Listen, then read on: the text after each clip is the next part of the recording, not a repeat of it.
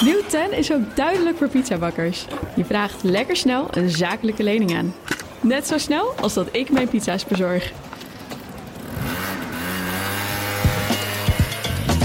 Duidelijk voor ondernemers. Nieuw 10. Je doelen dichterbij. Een initiatief van ABN AMRO.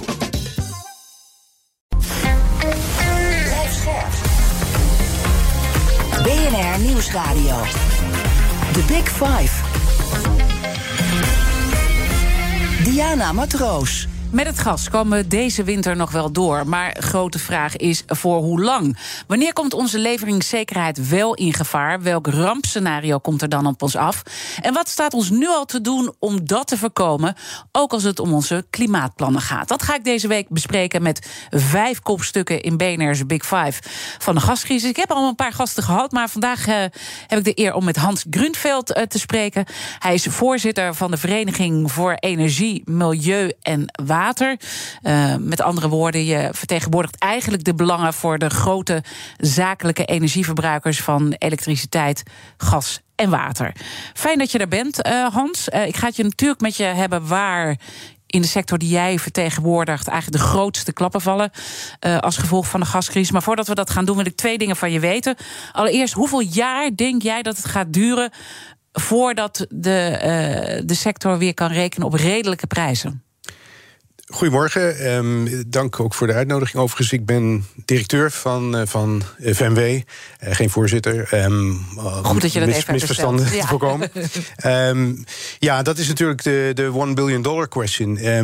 kijk, het, het, grote probleem waar we nu mee zitten, de energiecrisis, de gascrisis, is, uh, vindt zijn oorzaak in eigenlijk de geopolitieke, het geopolitieke conflict tussen Rusland en het Westen. Het is zelfs meer dan alleen Rusland en Oekraïne, in, in, in mijn, uh, naar mijn mening. Ja. En dat maakt het dus ook heel moeilijk en heel lastig om ja, te voorspellen hoe lang deze crisis gaat duren. Want het is meer dan een kwestie van vraag en aanbod bij elkaar Ja. brengen. Het is eigenlijk een ideologische strijd tussen Oost en West. Het is heel onzeker natuurlijk. Nou uh, zie je dan wel dat het Internationaal Energieagentschap verwacht dat de prijs in ieder geval van vloeibaar gas hoog blijft tot 2025. Zijn dat ook scenario's waar jij een beetje mee rekent met die, met die tijdspannen? Ja, ik vrees dat we, dat we daar inderdaad rekening mee moeten houden. Eh, Veel deskundigen spreken over, over ja, jarenlange uh, tekorten. Het is ook logisch, want Rusland, het Russische gas, uh, en, ja, exporteerde jaarlijks zo'n 150 miljard kubieke meter. Dat vervang je niet zomaar door LNG uit, uit nieuwe bronnen. Dus er zullen nieuwe putten moeten worden geslagen. Dat kost jaren om dat allemaal te ontwikkelen. Dus ik vrees dat, dat, dat deze voorspellingen wel wel eens uh, waarheid kunnen, kunnen worden. Het tweede wat ik dan van je wil weten... je loopt ongelooflijk lang mee in deze wereld. In deze rol ook twintig uh, jaar ruim. Ja, ja. ja, ja. ja. ik, begin al, ik, begin, ik kan het niet meer verbergen met, uh, met mijn grijze haren. Ja. nou, dat, dat, dat zijn jouw woorden. Um, maar wat is nou, uh, als je naar deze crisis kijkt... heb je dit ooit in al die tijd meegemaakt? Of is het echt... Nee, dit is, uitzonderlijk. Dit, dit, is echt, uh, dit is echt uitzonderlijk. En met name om, vanwege dus die ideologische component. Ja. Um, we hebben natuurlijk uh, verschillende problemen gehad. We hebben uh, allerlei situaties gehad waarbij bijvoorbeeld de elektriciteitsvoorziening uitviel in een groot deel van Europa door een calamiteit in Duitsland. We hebben natuurlijk eerder in het begin van, van deze eeuw ook al te maken gehad met een aantal winters waarin er ja, problemen waren tussen Rusland en Oekraïne over het transport van gas door Oekraïne. Waardoor minder gas naar Europa kwam. Maar een crisis van deze orde, van deze omvang, dat is, uh, dat is voor mij uh, volstrekt nieuw. En ik denk dat, uh, dat we echt moeten teruggaan naar de oliecrisis in de jaren 70 om, ja, om een, een, een crisis van een, met een dergelijke Van dit impact. niveau, hè? Van dit Ja. niveau. Want, want dan komen we eigenlijk ook naar de volgende stap. Wat is jouw grootste zorg nu? Nou, mijn grootste zorg is in, uh, dat deze um, crisis nog verder zal, uh, zal verergeren. Um, omdat de, ja, de oorzaak, de bron van, uh, van de crisis, namelijk het conflict wat Rusland heeft met het Westen, en met name natuurlijk de, de Russische president Poetin, um, ja, dat, dat is voorlopig niet opgelost. En zolang dat probleem niet opgelost is en er spanningen blijven, Mhm. mm -hmm. zitten we ook met een, ja, met een fors probleem. probleem. Laten we een beetje de klappen ook uh, in kaart gaan brengen. Want we weten natuurlijk dat huishoudens geholpen worden. En nou ja, voor de MKB-bedrijven uh, uh, is er een beetje hulp onderweg. Maar voor de grootzakelijke energieverbruikers is dat er nog niet. Alhoewel er ook wel een aantal aanvragen weer lopen in Brussel. Eerst even de leden die jij vertegenwoordigt. Aan, aan welke bedrijven moeten we denken als we dat niet helemaal scherp hebben? Nou ja, het is een heel, hele grote en brede groep. Uh, allereerst natuurlijk aan de grote energie-intensieve industriële bedrijven, zoals Tata Steel of uh, uh, het Gemmelot industriële complex in, in Zuid-Limburg, Dow Chemicals, Nobian. Um, maar ook bijvoorbeeld ziekenhuizen en zorginstellingen, gebouwenbeheerders, um, mobiliteitsbedrijven die mobiliteit leveren, zoals Nederlandse spoorwegen.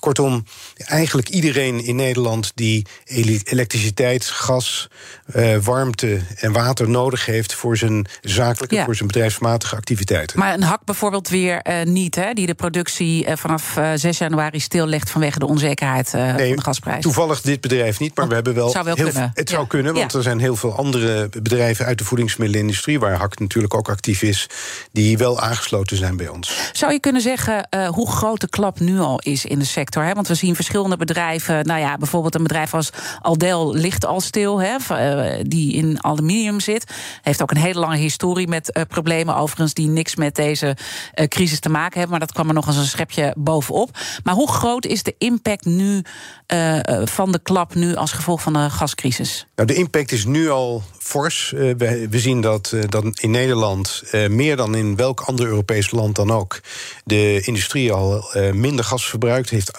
door inderdaad productieprocessen af te schalen. Dus niet zozeer uh, door, door efficiënter te werken of anderszins, maar echt door het minder te produceren. Um, de precieze getallen zijn, zijn moeilijk te zeggen, maar je moet echt denken aan orde grootte 25% reductie. Dus dat is echt heel fors. Um, en de grootste problemen zitten bij de bedrijven die natuurlijk uh, vooral internationaal concurreren, um, ja, waarvan de, de, laat ik zeggen, de prijs van het product ook gerelateerd of een belangrijke mate gerelateerd is aan de energiekosten.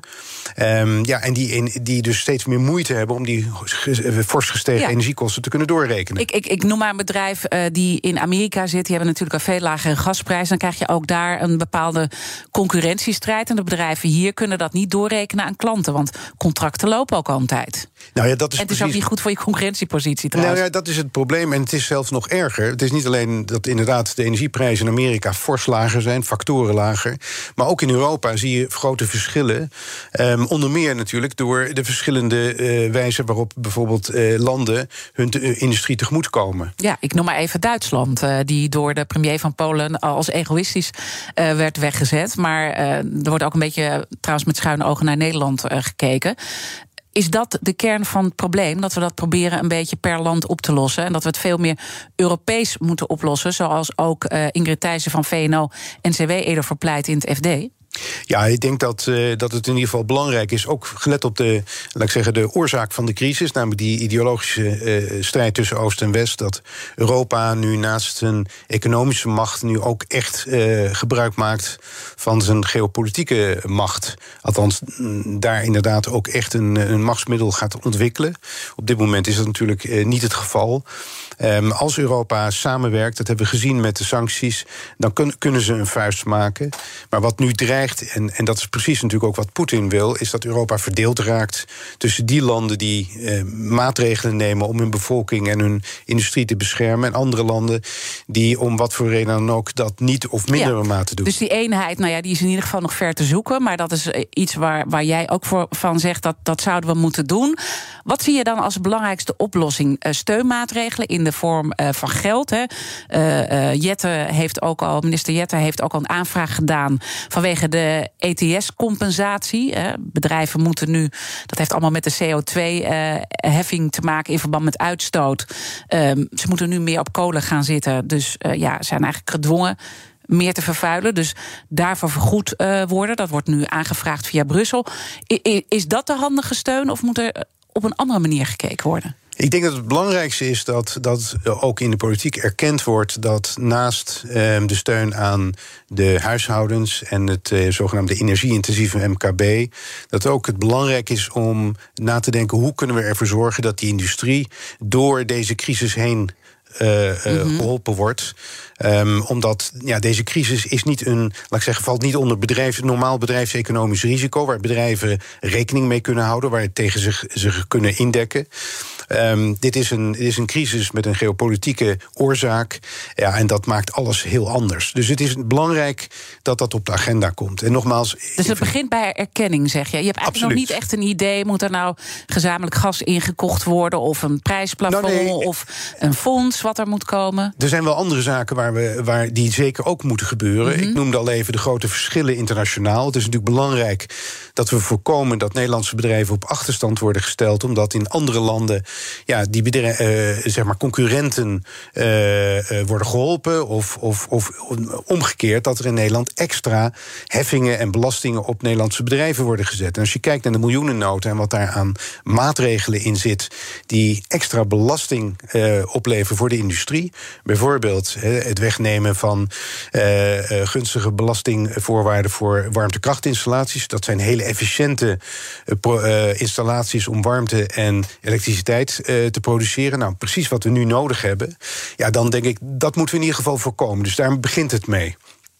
Daarnaast is het natuurlijk ook zo dat de industrie een belangrijke bijdrage kan leveren aan het oplossen van de problemen. En dat, eh, daar zou ook die, die, dat pakket zich op moeten richten. Hoe kunnen we ervoor zorgen dat die industrie een grotere bijdrage kan leveren aan het oplossen van het probleem?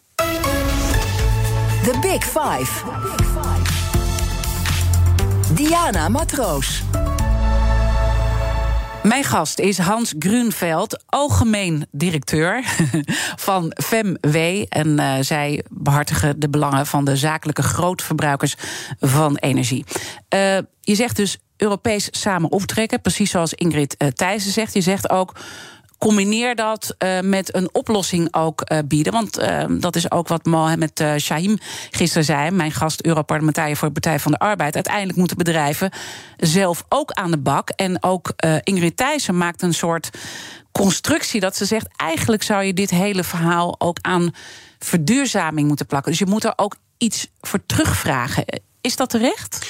Nou, ik ben het met Ingrid Thijssen eens dat dit ook eh, in zekere zin een kans biedt om die verduurzaming, die transitie waar de industrie heel hard mee aan de slag is, om die te versnellen. Um, de vraag is of dat voldoende is in de korte tijdsbestek waarin nu die bedrijven um, uh, staan voor de, ja, de vraag hoe kunnen wij deze, deze crisis overleven. Mm -hmm. Maar als je kijkt naar bijvoorbeeld de bijdrage die de industrie nu al levert, door bijvoorbeeld om over te schakelen op alternatieven voor gas.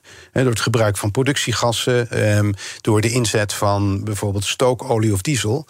En daar kan de overheid uh, bij helpen door bijvoorbeeld barrières, belemmeringen om dat te doen, om die weg te nemen.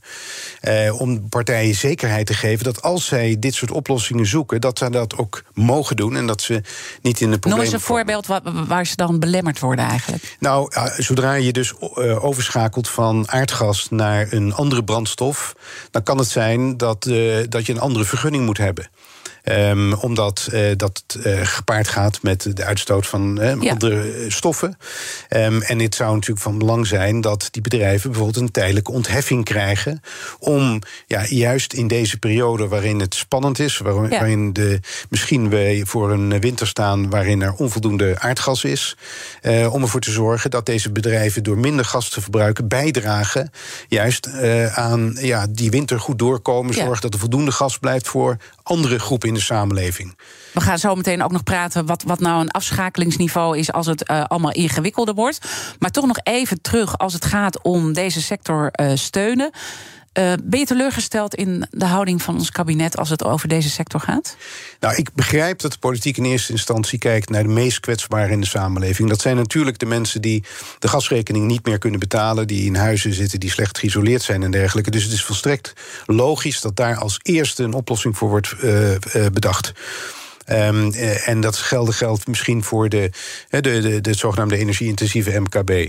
Wat ik alleen hoop is dat ook binnen de politiek echt begrip bestaat voor het feit dat er ook de moeite waard is om die industrie, uh, ja, om daar samen met de industrie te kijken mm -hmm. hoe kunnen we hier oplossingen voor vinden. Nogmaals, niet omdat wij ons handje willen ophouden in Den Haag en zeggen: wilt u alsjeblieft uh, het verschil bijpassen? Maar juist omdat die industrie een bijdrage wil leveren, niet alleen aan onze samenleving, maar ook bijvoorbeeld mm aan de verduurzaming van onze samenleving. En daarvoor is het wel nodig om door deze crisis heen te kunnen nou komen. Ja, en misschien ook de, de, de onafhankelijkheid die we moeten hebben. Want als we strategische bedrijven uiteindelijk uh, kwijtraken aan het buitenland, uh, daar wijst ook Ingrid Thijssen op, dan heb je een nog groter probleem. Hè? Dat je tandenborstels, nou ja, ik weet niet of dat dan zo heel erg is. Volgens mij wordt dat, dat voorbeeld genoemd uh, van elders kan. Maar ja. je wil natuurlijk een bepaalde grip hebben op je bedrijven, zeker in die hele geopolitieke strijd. Nou ja, de, de, de industrie heeft natuurlijk een belangrijke rol in onze samenleving te vervullen. En dat is niet voor iedereen natuurlijk even duidelijk. De meeste mensen kennen industriële bedrijven als een bedrijf met een groot hek eromheen en een schoorsteen waar iets uitkomt. Meestal is dat overigens waterdamp.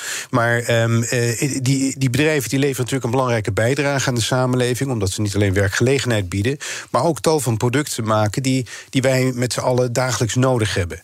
Daarnaast is het zo, dat hebben we tijdens corona natuurlijk geleerd, dat die afhankelijkheid van het buitenland voor essentiële producten ja, in, in, in tijden van crisis buitengewoon ons kwetsbaar maakt. Dus ja. het is belangrijk dat wij die zogenaamde strategische goederen, en dat zijn niet per se tandenborstels, maar dat zijn wel heel veel andere producten waar dan uiteindelijk ook tandenborstels mee kunnen worden gemaakt. Denk aan allerlei basischemicaliën. Staal, nou ja, medicatie bijvoorbeeld, hè, kan medicatie. Ik ook. Uh, dat is natuurlijk ook helemaal die chemische industrie die daarmee bezig is. En toch, uh, uh, alle begrip voor al jouw punten nu, maar het feit dat er nog geen steun is gekomen ook.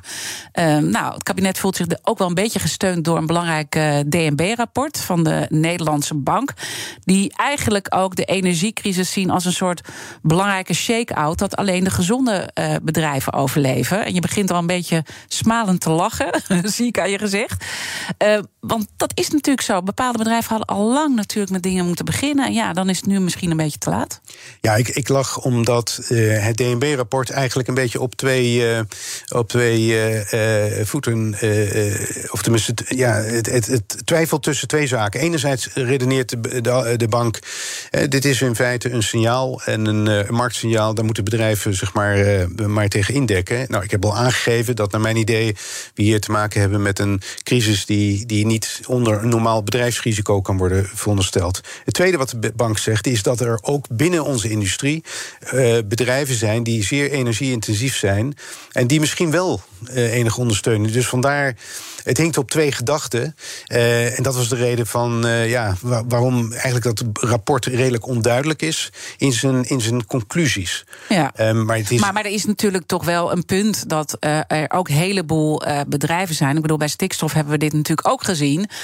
Uh, dat bepaalde bedrijven ook een beetje de kop in het zand hebben gestoken. En we stellen het uit. En er zijn ook bedrijven die gewoon echt al een enorme transitie hebben ondergaan. Hè? Want je kan natuurlijk allerlei dingen aanwijzen van vergunningen, dat het allemaal lastig is. Maar er zijn ook partijen die het wel gewoon hebben gefixt. En ja, dat, dat is natuurlijk ook wel een beetje de harde les dan nu. Ik denk dat dat een misverstand is. Want een van de bedrijven die als eerste eigenlijk de problemen uh, aangaf, dat is een bedrijf, uh, zinkproducent Nierstar, is veel in het nieuws geweest, is een bedrijf dat in feite ja, de transitie heeft gemaakt. Het is een bedrijf wat volledig geëlektrificeerd is, dus zijn, zijn hele uh, proces op basis van elektriciteit doet, zijn elektriciteit volledig vergroend heeft.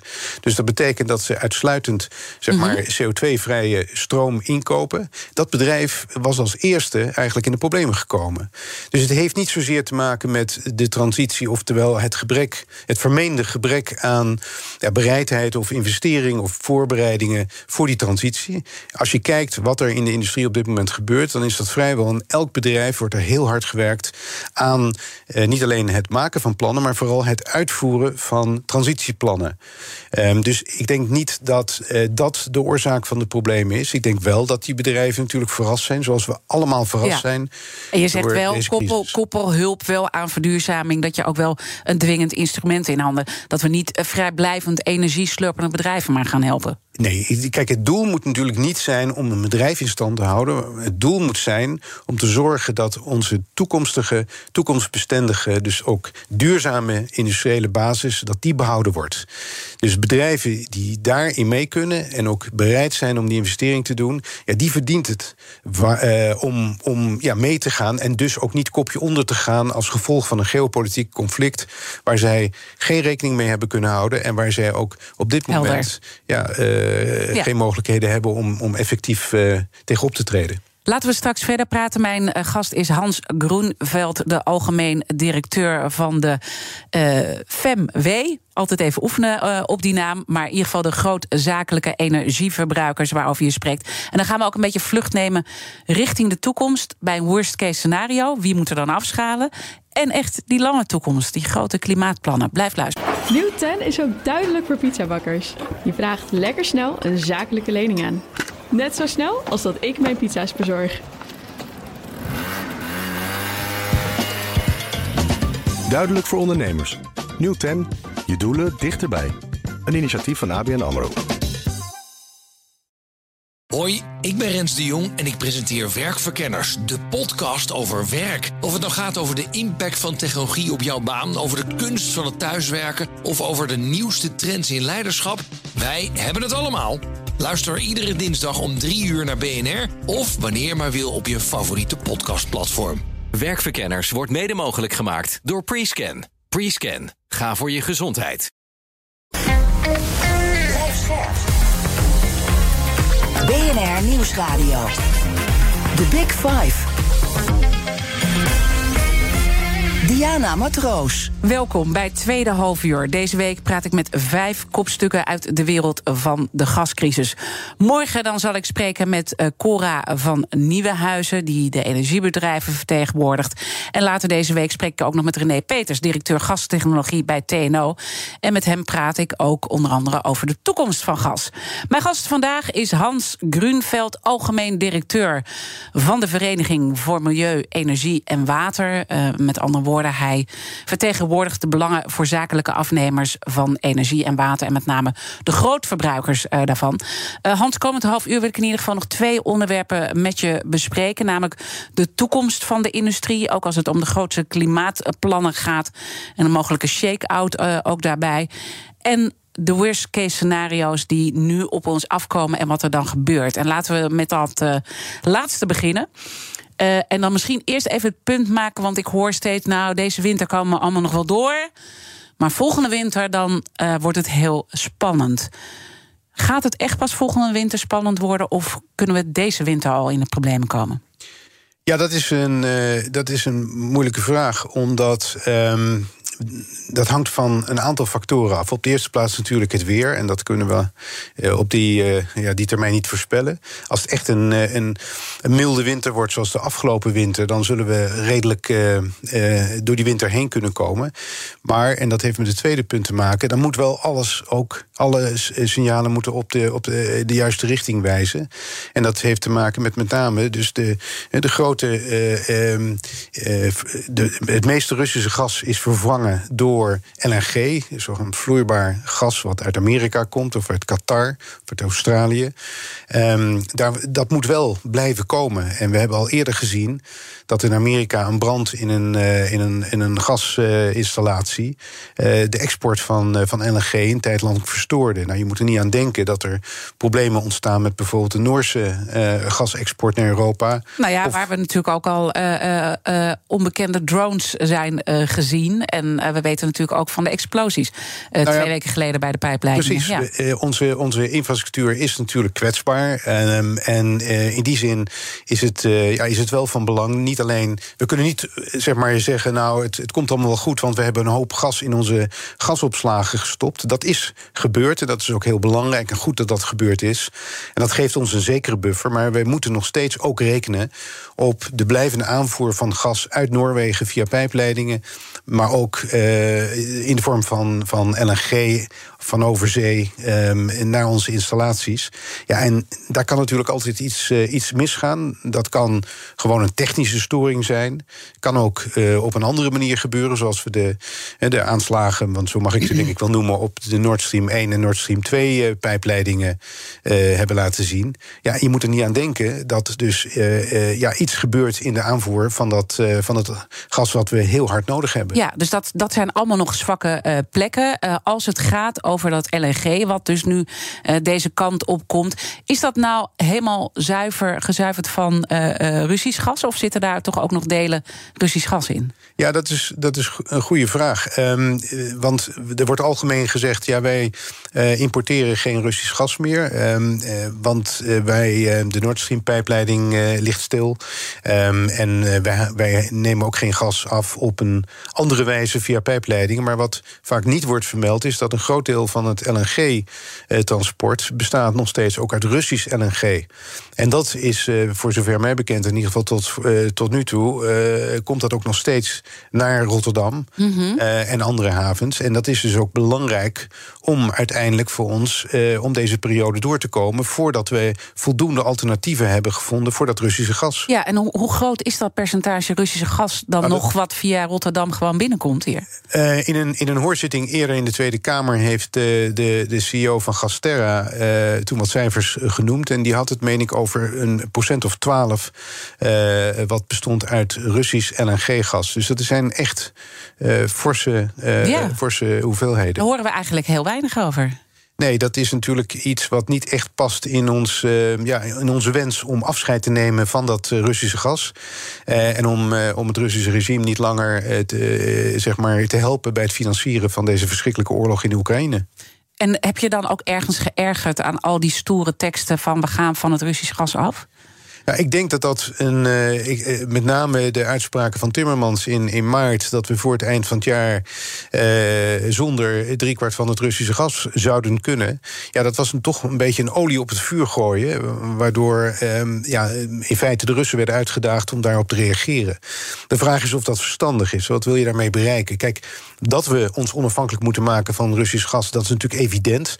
Um, dat had natuurlijk de commissie ook iets eerder kunnen bedenken. Want wij, Europa is natuurlijk al veel te lang, veel te afhankelijk van gas uit Rusland. Ja, daar wees Mohammed Shahim ook op als Europarlementariër. Die, zegt, die heeft het uh, ja, jaren geleden al gezegd: ga van het Russisch gas af. Ja. Precies. En, en, en niet en, ja. kop in het zand en niks doen. Ja. En, om dan, en om dan inderdaad uh, ja, te, te roepen dat wij voor het eind van het jaar zulke grote hoeveelheden elders zouden kunnen vinden. Ja, dat is denk ik, um, laat ik zeggen, wishful thinking. Ja. Ja. Om een understatement te gebruiken. Goed, om, om dit punt ook vast te houden voor de toekomst van de hele transitie. Hè, want daar worden ook een heleboel dingen geroepen. Terwijl we zijn gewoon nog ontzettend afhankelijk überhaupt van gas. Even los van Russisch gas. En uh, nou ja, daar, daar praten we uh, straks nog even over. Belangrijk is, is dat jij zegt dat dat noodscenario kan er misschien wel eens veel eerder zijn dan algemeen uh, vanuit wordt gaan. Vanwege al die onzekerheden. Op het moment dat dat gebeurt, dan zijn er, wordt er ook bedacht wat voor noodscenario's er allemaal in werking worden getreden. En dat heeft nou, met allerlei afschalingen te maken. Uh, je hebt eerder gezegd, er is niet een soort noodknop waar we op kunnen drukken als uh, grote industrie. Hoe staat het er nu voor? Wat, wat gebeurt er? En, en ben je tevreden met de plannen die er nu liggen? Ja, de, de lidstaten in Europa die, die moeten plannen maken. Dat moesten ze al voor de, voor de Oekraïne-crisis. Om in het geval van een calamiteit. En dat kan dus een, een, een, een brand in een installatie. of een, een, een pijpleidingbreuk. of anderszins uh, uh, zijn. Dan moeten ze dus een plan klaar hebben. wat ze dan doen om te zorgen dat de gasvoorziening. voor de meest uh, kwetsbaren in deze samenleving behouden blijft. Nou, in Nederland is dat uh, in de vorm van het zogenaamde BHG, het Beschermen en Herstelplan Gas, uitgewerkt. De commissie vond dat Nederland dat nog niet voldoende gedetailleerd heeft gedaan. Dus het kabinet is eind vorig jaar, of, of halfweg vorig jaar, mm -hmm. begonnen om na te denken van wat moeten we doen op het moment dat het echt helemaal fout gaat. Dus dat er ja, een, een, een, een acuut tekort aan gas dreigt. Nou, zullen de ziekenhuizen die jij ook vertegenwoordigt, die zullen gewoon blijven draaien? De bedoeling is dat in ieder geval de ziekenhuizen en de uh, huishoudens zoveel mogelijk en zo lang mogelijk buiten schot uh, blijven. En dat betekent dus dat als er dan ja, een, een, een plotselinge calamiteit is, dan zullen er dus andere partijen moeten zijn die op korte termijn minder gas gaan gebruiken. Nou, toen is uh, gezegd dat moeten dan aanvankelijk 60 grote industriële bedrijven zijn die een aansluiting hebben op het net van GasUnie. Later is die groep uitgebreid. En wij hebben toen gezegd. 250 nou, bedrijven. Er wordt nu gesproken inderdaad over een groep van ongeveer 250. Um, uh, uh, pas op, um, want dat is het afschakelen van bedrijven zonder dat je dat met beleid doet. Dat kan eigenlijk onverantwoorde risico's voor de, onze maatschappij opleveren. Zoals?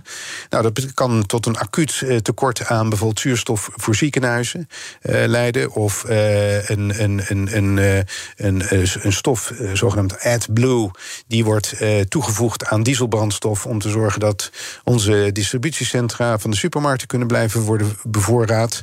Um, maar ook bijvoorbeeld het leveren van um, CO2 voor het vervoer van medicijnen en, en, en farmaceutische grondstoffen.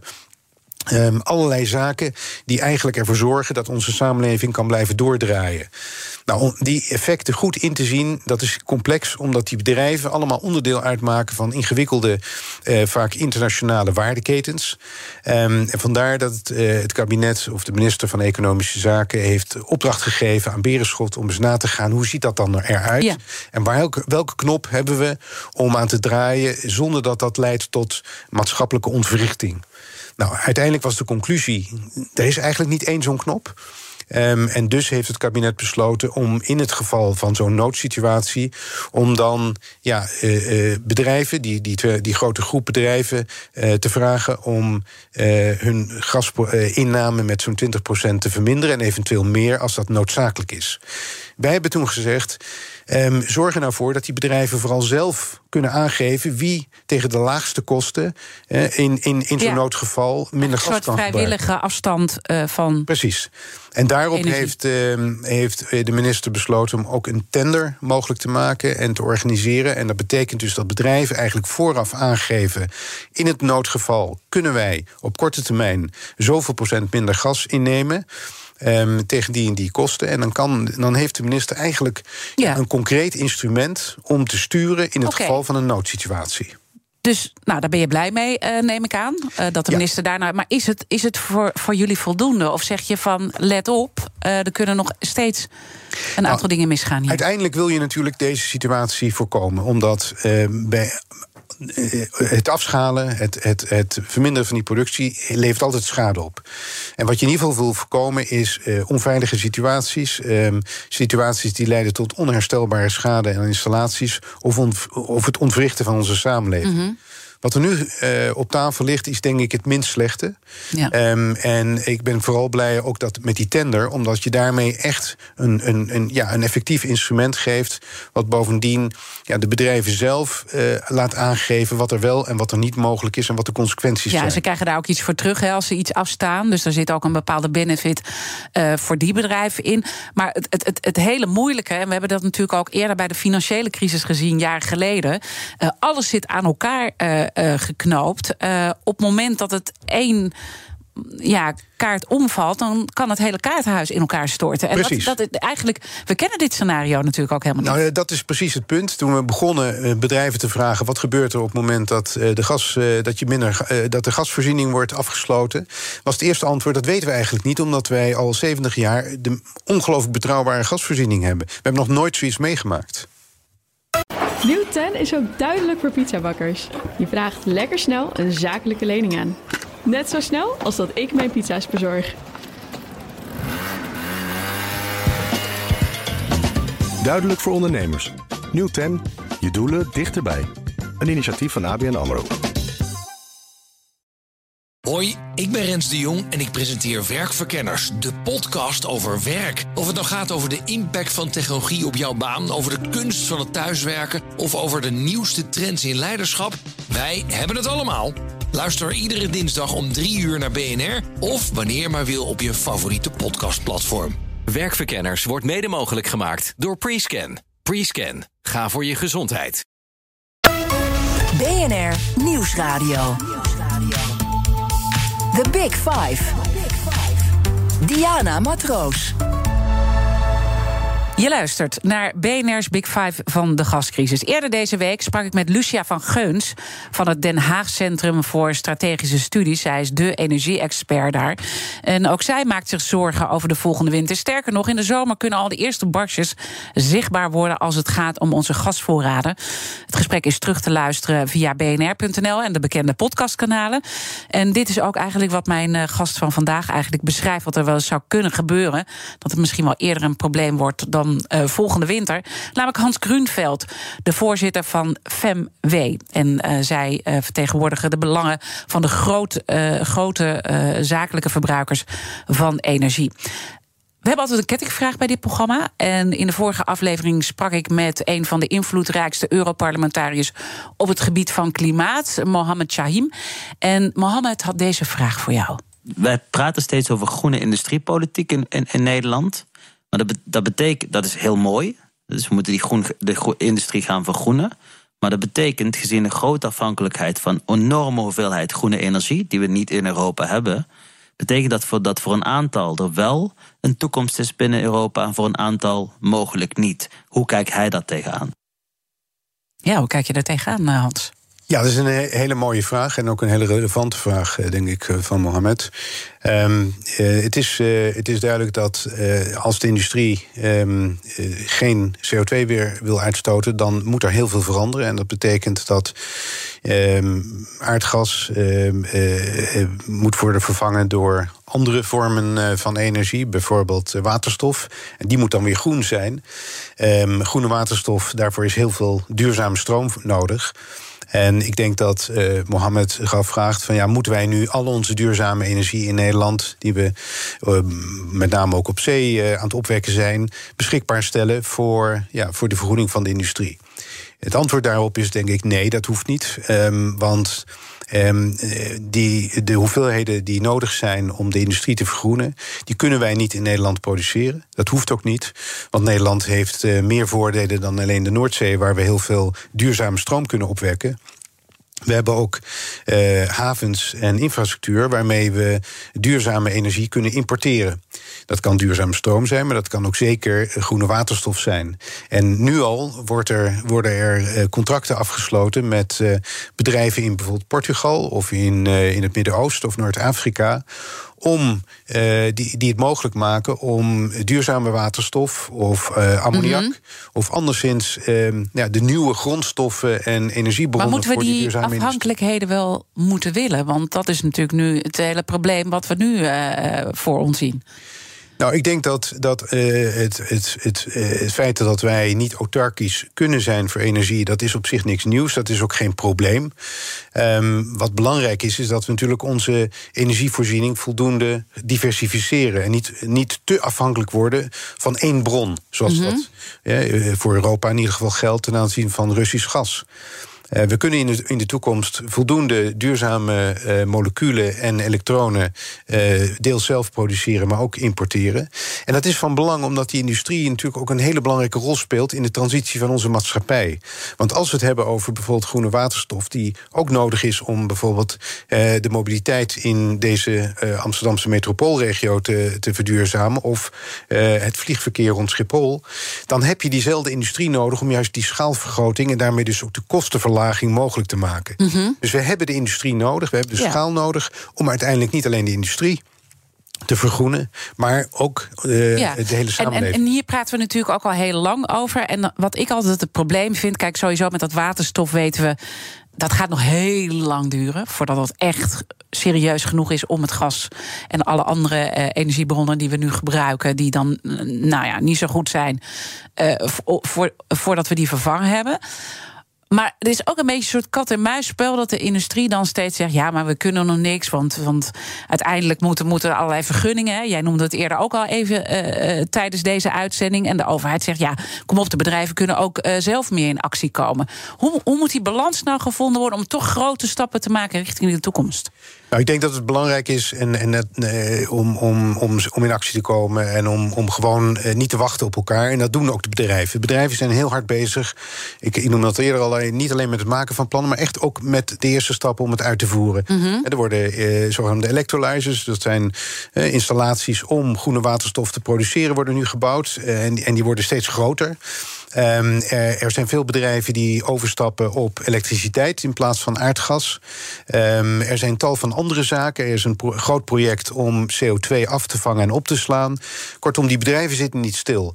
Maar de Maar transitie. het gaat over hoe groot neem je de stappen. Hè? Want, want eh, Ja. eh, ik zeg ook niet dat ze stilzitten. Maar het zijn steeds van die mini-mini eh, stapjes die worden genomen. Het is, het is op het totaal is het gewoon nog heel weinig. Nou ja, ik denk, ik denk dat de totale opgave is natuurlijk formidabel. En Ja. ja, een, een, een omslag van, van dit formaat doe je niet in, in een paar jaar. Daar heb je echt wel een, een wat langere periode voor nodig. En het belangrijke is dat je die- ook die periode neemt. Die transitie ook erkent dat die nodig is. We hebben een groot aantal instrumenten eh, eh, die helpen om dat te doen. We hebben bijvoorbeeld een uiterst eh, effectief eh, ehm, middel, namelijk CO2-beprijzing. Dat helpt. We hebben inmiddels ook een, een hele goede ondersteuning van eh, CO2-vrije eh, productiemiddelen. eh, de SDE, de subsidieregeling. Die wordt nu aangevuld met ja, maatregelen om ook bijvoorbeeld die opschaling van groene waterstof mogelijk te maken. Dus we hebben heel veel in huis. Ehm, en eh, ik denk dat het nu zaak is om niet zozeer naar elkaar te wijzen of op elkaar te wachten, maar echt gewoon in, eh, Ja. te beginnen met de uitvoering van de plannen. En ik zie ook gelukkig, ook ondanks deze crisis, dat de bedrijven nog steeds volop gemotiveerd Ja. zijn. Misschien helpt een crisis ook. Hè? Gewoon toch wel om te voelen dat het nu echt, echt, echt. Nou, uiteindelijk is de verduurzaming is Ja. natuurlijk het enige effectieve structurele antwoord op deze crisis. Ja. Het probleem is alleen, we hebben niet voldoende tijd om, ja, om te wachten tot die, al die verduurzamingsinvesteringen zijn gedaan. Ehm, maar er is geen enkele twijfel dat de transitie dat is de enige oplossing voor deze problematiek. Misschien goed om tot slot daar de kettingvraag bij te stellen. Want die vraag gaat door naar mijn eh, volgende gast, Cora van Nieuwenhuizen. Voorzitter van Energie Nederland. Wat zou je haar willen vragen? Ja, ik zou Cora het volgende willen vragen. De energiecrisis, die begon als een eh, gascrisis, heeft ook grote invloed op de elektriciteitsvoorziening. En eh, verwacht wordt dat de gascrisis voorlopig nog niet voorbij is. Nou, dan is mijn vraag: ho- hoe kan voorkomen worden dat ook de elektriciteitsmarkt, die ja, in een jarenlange crisis wordt eh, meegesleept, die juist zo belangrijk is, ook voor die transitie van de industrie waar we het net over hadden? Mooie vraag ga ik haar steker stellen. En dank dat je mijn gast wilde zijn. Hans Kruunveld, algemeen directeur van de Vereniging voor Energie, Milieu en Water. En natuurlijk is alles terug te luisteren. Je vindt BNR's Big Five in je favoriete podcast. Of natuurlijk via bnr.nl. Maar blijf live. Zometeen Ivan Verrips met alles rond corona... en de nieuwe discussies die nu opspelen in BNR Breekt. Ik wens je een mooie dag. Nieuw 10 is ook duidelijk voor pizzabakkers. Je vraagt lekker snel een zakelijke lening aan. Net zo snel als dat ik mijn pizza's bezorg. Duidelijk voor ondernemers. Nieuw 10, je doelen dichterbij. Een initiatief van ABN AMRO.